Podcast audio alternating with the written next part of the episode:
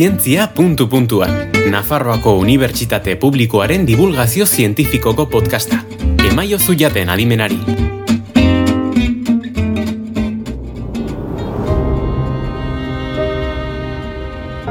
Krisi ekonomikoa, lehen gaien krisia, osasun krisia, globalizazioaren diskurso hegemonikoa gailendu den amarkada batzuen ondoren, aranon, badirdu sistema krisian dugula. Ala diote zenbait ikertzailek han eta hemen. Globalizazioa jo muganote, galdera honi erantzuten laguntzeko gaur gurekin zientzia puntu puntuan Enrique Galartza dugu, Nafarroko Unibertsitate Publikoko ekonomialaria. Urteak daramazki bestelako diskurso bat garatzen. Enrique Alarza naiz, ekonomian doktore Frantziako Burgundiako Unibertsitatean egin nuen doktoritza tesi. Irakatzi egin dut, ez, bai Frantzian, bai Espainialdean, estatu batuen eta erresuma batuan. Italia aldean sindikatuekin e, ibili nintzen oso esperientzia interesgarria izan da baita ere, hain zuzen ere, ekonomiariaren nolabaiteko gaia ez da soilki matematikoa, benetan zientzia soziala garen ez aldetik. Esparru horiek jorratzen saiatu naiz nire bizitza osoan zehar, ez? Bai ikerketan eta bai irakaskuntzan ikuspegi soziala eta zientifikoa aldi berean jorratuz gai ekonomikoen inguruan. Enrique, pandemiaren ondorioz globalizazioa krisian aldago. Jo mugan? Zaila da, bai ikuspegi kritikoa eta bai ikuspegi mainstream, ez? Menperatzaia dena. Nik uste arazoak izaten ari dira azken urteotan ze gertatzen ari dena da, ba, hain beste urtetan pentsatutako gauza batzuk benetan ez direla betetzen edo aldatzen ari direla eta orduan galdurik gauden ikuste zientzia sozialetan iaia nik uste profesional guztia. Azken finean, zoriontasuna izaten zena garapen ekonomikoaren emaitza, eta gerota gehiago ikusten ari gara munduan zehar deserosotasuna jendea depresioz jota edo hiltzen ari dira gerratean. Orduan, benetan kezkatzekoa da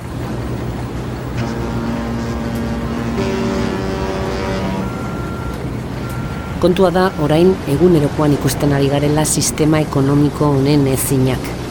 Bada ongi ez dagoen zerbait sistema ekonomiko honetan. Auto baten erosleak bederatzi hilabete itxaron behar dituenean ibilgailua jasotzeko. Eduki ontziz betetako ontziek Rotterdam Amberes edo Los Angeleseko portuetan astebete bi, hiru itxaroten.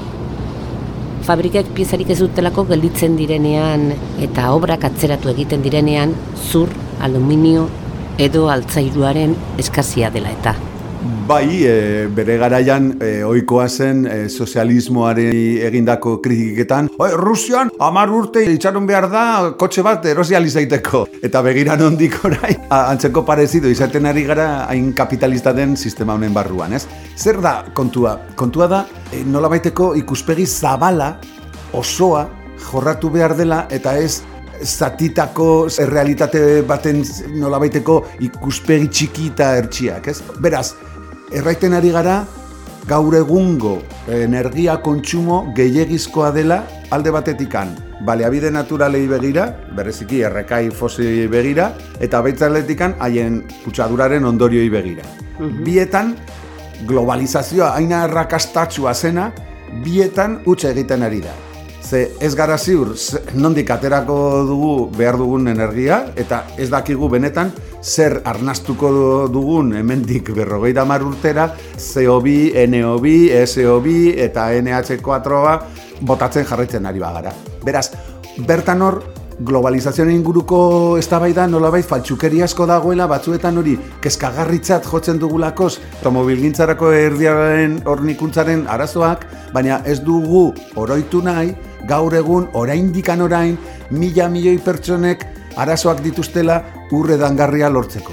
Egun oro. Jakinda gaur egun munduan eguneko amazortzia gara herri boteretsuen biztanleria eta munduaren aberastasunaren eguneko berrogei damaseia bere ganatzen ari gara urte oro. Ezinuka, gaur egun ordea gerok ikusten ari gara eredu honen ezinak. Munduko markataritza arrakasta logistikoa izan da markadetan, baina bi urte baino gehiago dara mazki nukeatuta pandemiaren eraginez. Lehenengo mugen eta fabriken itxiera, gero, nonbait, eskaira gehiagizkoa.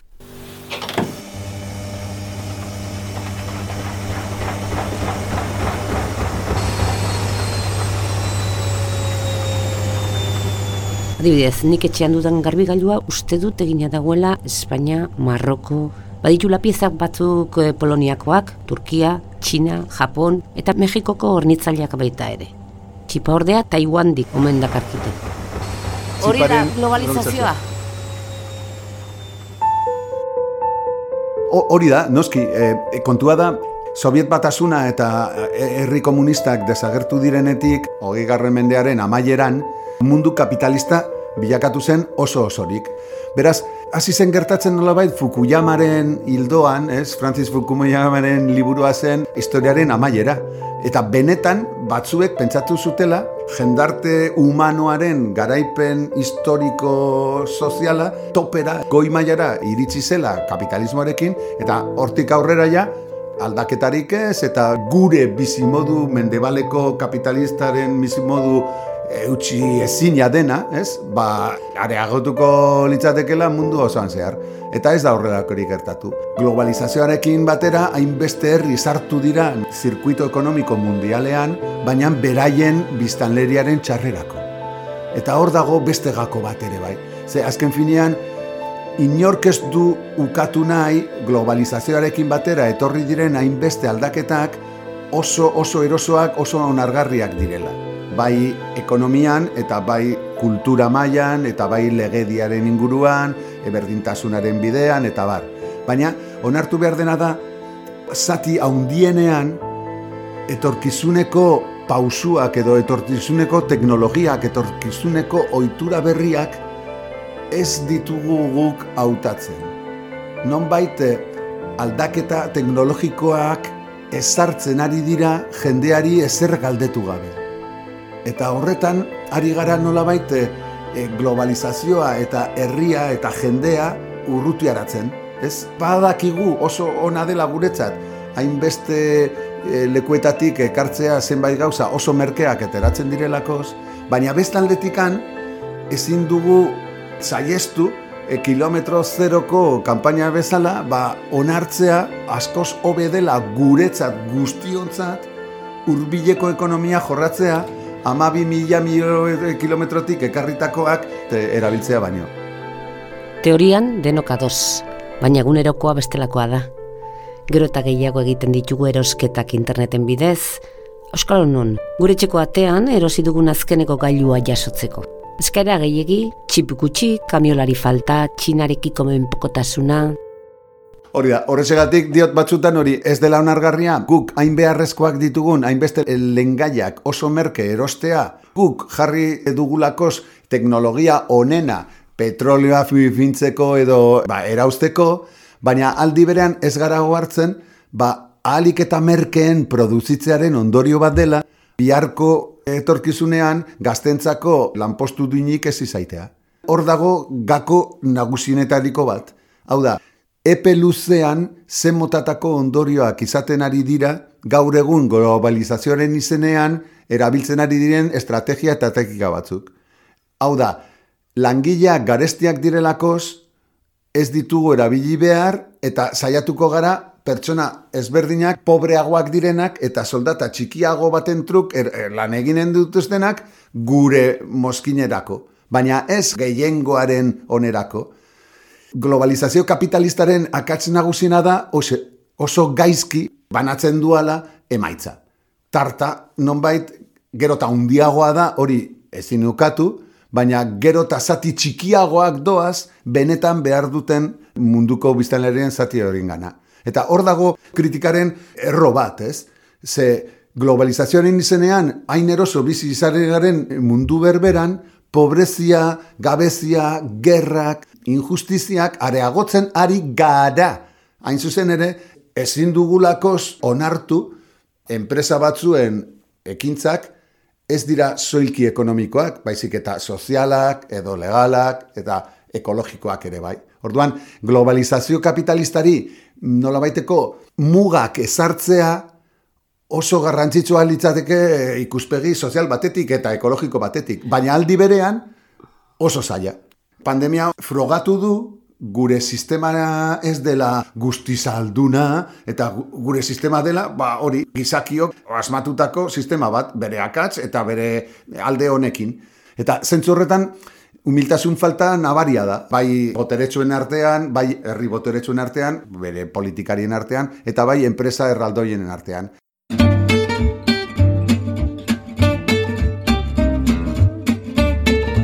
Egin ezazu salda gure zientziarekin. Arpidetu zaitez. Amarkadatan Enrique deslokalizazioa izan da izen magikoa, Bai. ez? Gutxiagorekin gehiago fabrikatu. Asiako eskulan merkeari esker, ego Asia, edo Bai. ego, Bai, ego. Afrika. Orain berriz badirudi subirotasun hitza modan jartzen ari dela. Du. pixkanaka, adibidez entzun diogu Emmanuel Macroni, Bai, bai, buru askiak edo Bai. autosuficienteak bai, Bai. nolabaiteko neurri batean. Bai.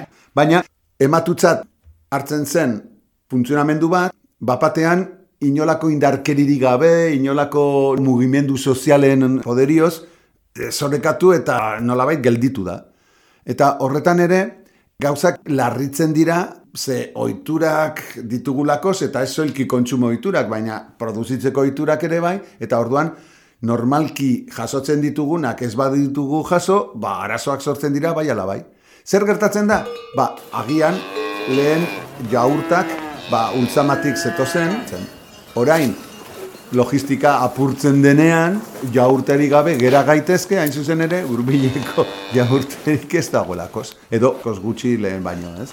Orduan, Nafarroa garaian daukagun bizimodua aurrera eramaiteko, ez dugu nahikorik Nafarroa garaiko amar mila kilometro karratuekin. Ez, behar ditugunak dira hiru bider gehiago. Hiru Nafarroa fisikoak behar ditugu Nafarrok daramagun bizimodua aurrera eramateko.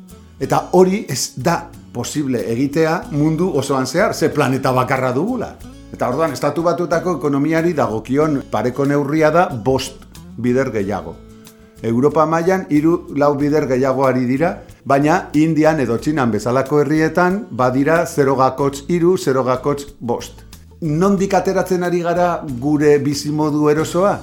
Besteen gandik. Eta hori onartu behar dugu, Pentsalari askok diote ekonomia eredu hau kinkalarrian dela. Ez, badago funts teknologiko izugarri bat. Posiblea dela jendea paludismotik ateratzea edo minbizia zaintzea hemen, Australian, Kenian eta Txilen. Eta ez badugu egiten, ez da ezin delakoz egin. Baizik eta ez dugulakoz behar den plangintza, behar den konpromesua hori egiteko. Menuan mota guztietako jakintzak, egiazko jakiteak. Puntu puntuan beti ere.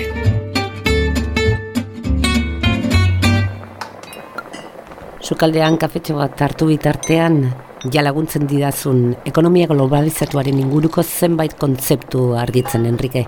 Globalizazioa. bide ezberdinak, ez? Hau da, globalizazio kapitalista, izan daiteke globalizazio aurrerakoi bat, globalizazio feminista bat, globalizazio ekologista bat, eta nik uste globalizazioa hitza entzutean bide haunitzak, ez? E, ikusten ditu dala. Naiz da bakarra jorratzen den, ez? Garapena. Iruzurra da. Garapen hitzarekin e, gertatu dena da, gu garela garatuak eta adibidez Marrokozen edo Keniako jendartea ez dela azpigaratua. Nik uste hor eurocentrismoaren gauza txarrenak oraindik txertatutek daude gure pentsamendu kapitalista orokorrean, ez? Hau da, garapena zer da? Txikina izaitea, bere buruaz eh, hiltzen duten kopuruak igotzen joatea, drogatzen diren jendea, uppers eta downers, egun ikusten ari gara, ez? E, gastu farmazeutikoa, ba, lehertzen ari dira mendebaleko herri guztietan, eta jendea erotuta dagoelakoz. Estres eta hainbeste malez eta gai psikologikoak orain modan jartzen ari dira baita ere, baina ez dira utxetik etorritako. Deslokalizazioa. Deslokalizazioa da txantaia. Hemengo langilei egindako txantaia eta hango langilei egindako iruzurra.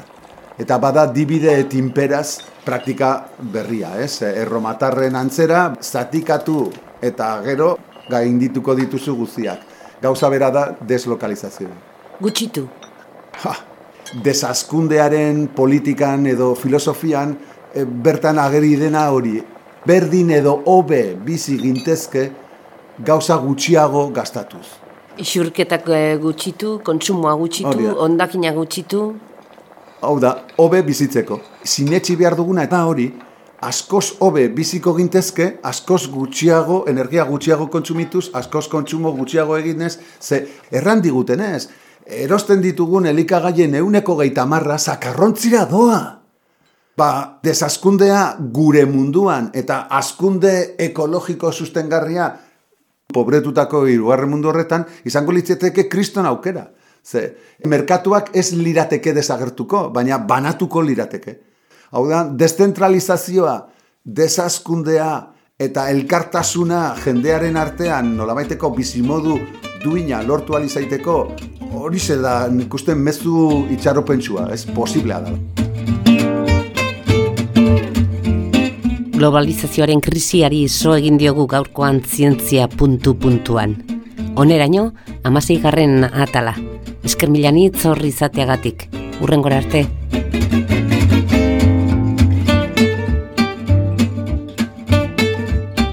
Zientzia puntu puntuan entzun duzu. Nafarroako Unibertsitate Publikoaren podcasta. Gozatu zientziaz.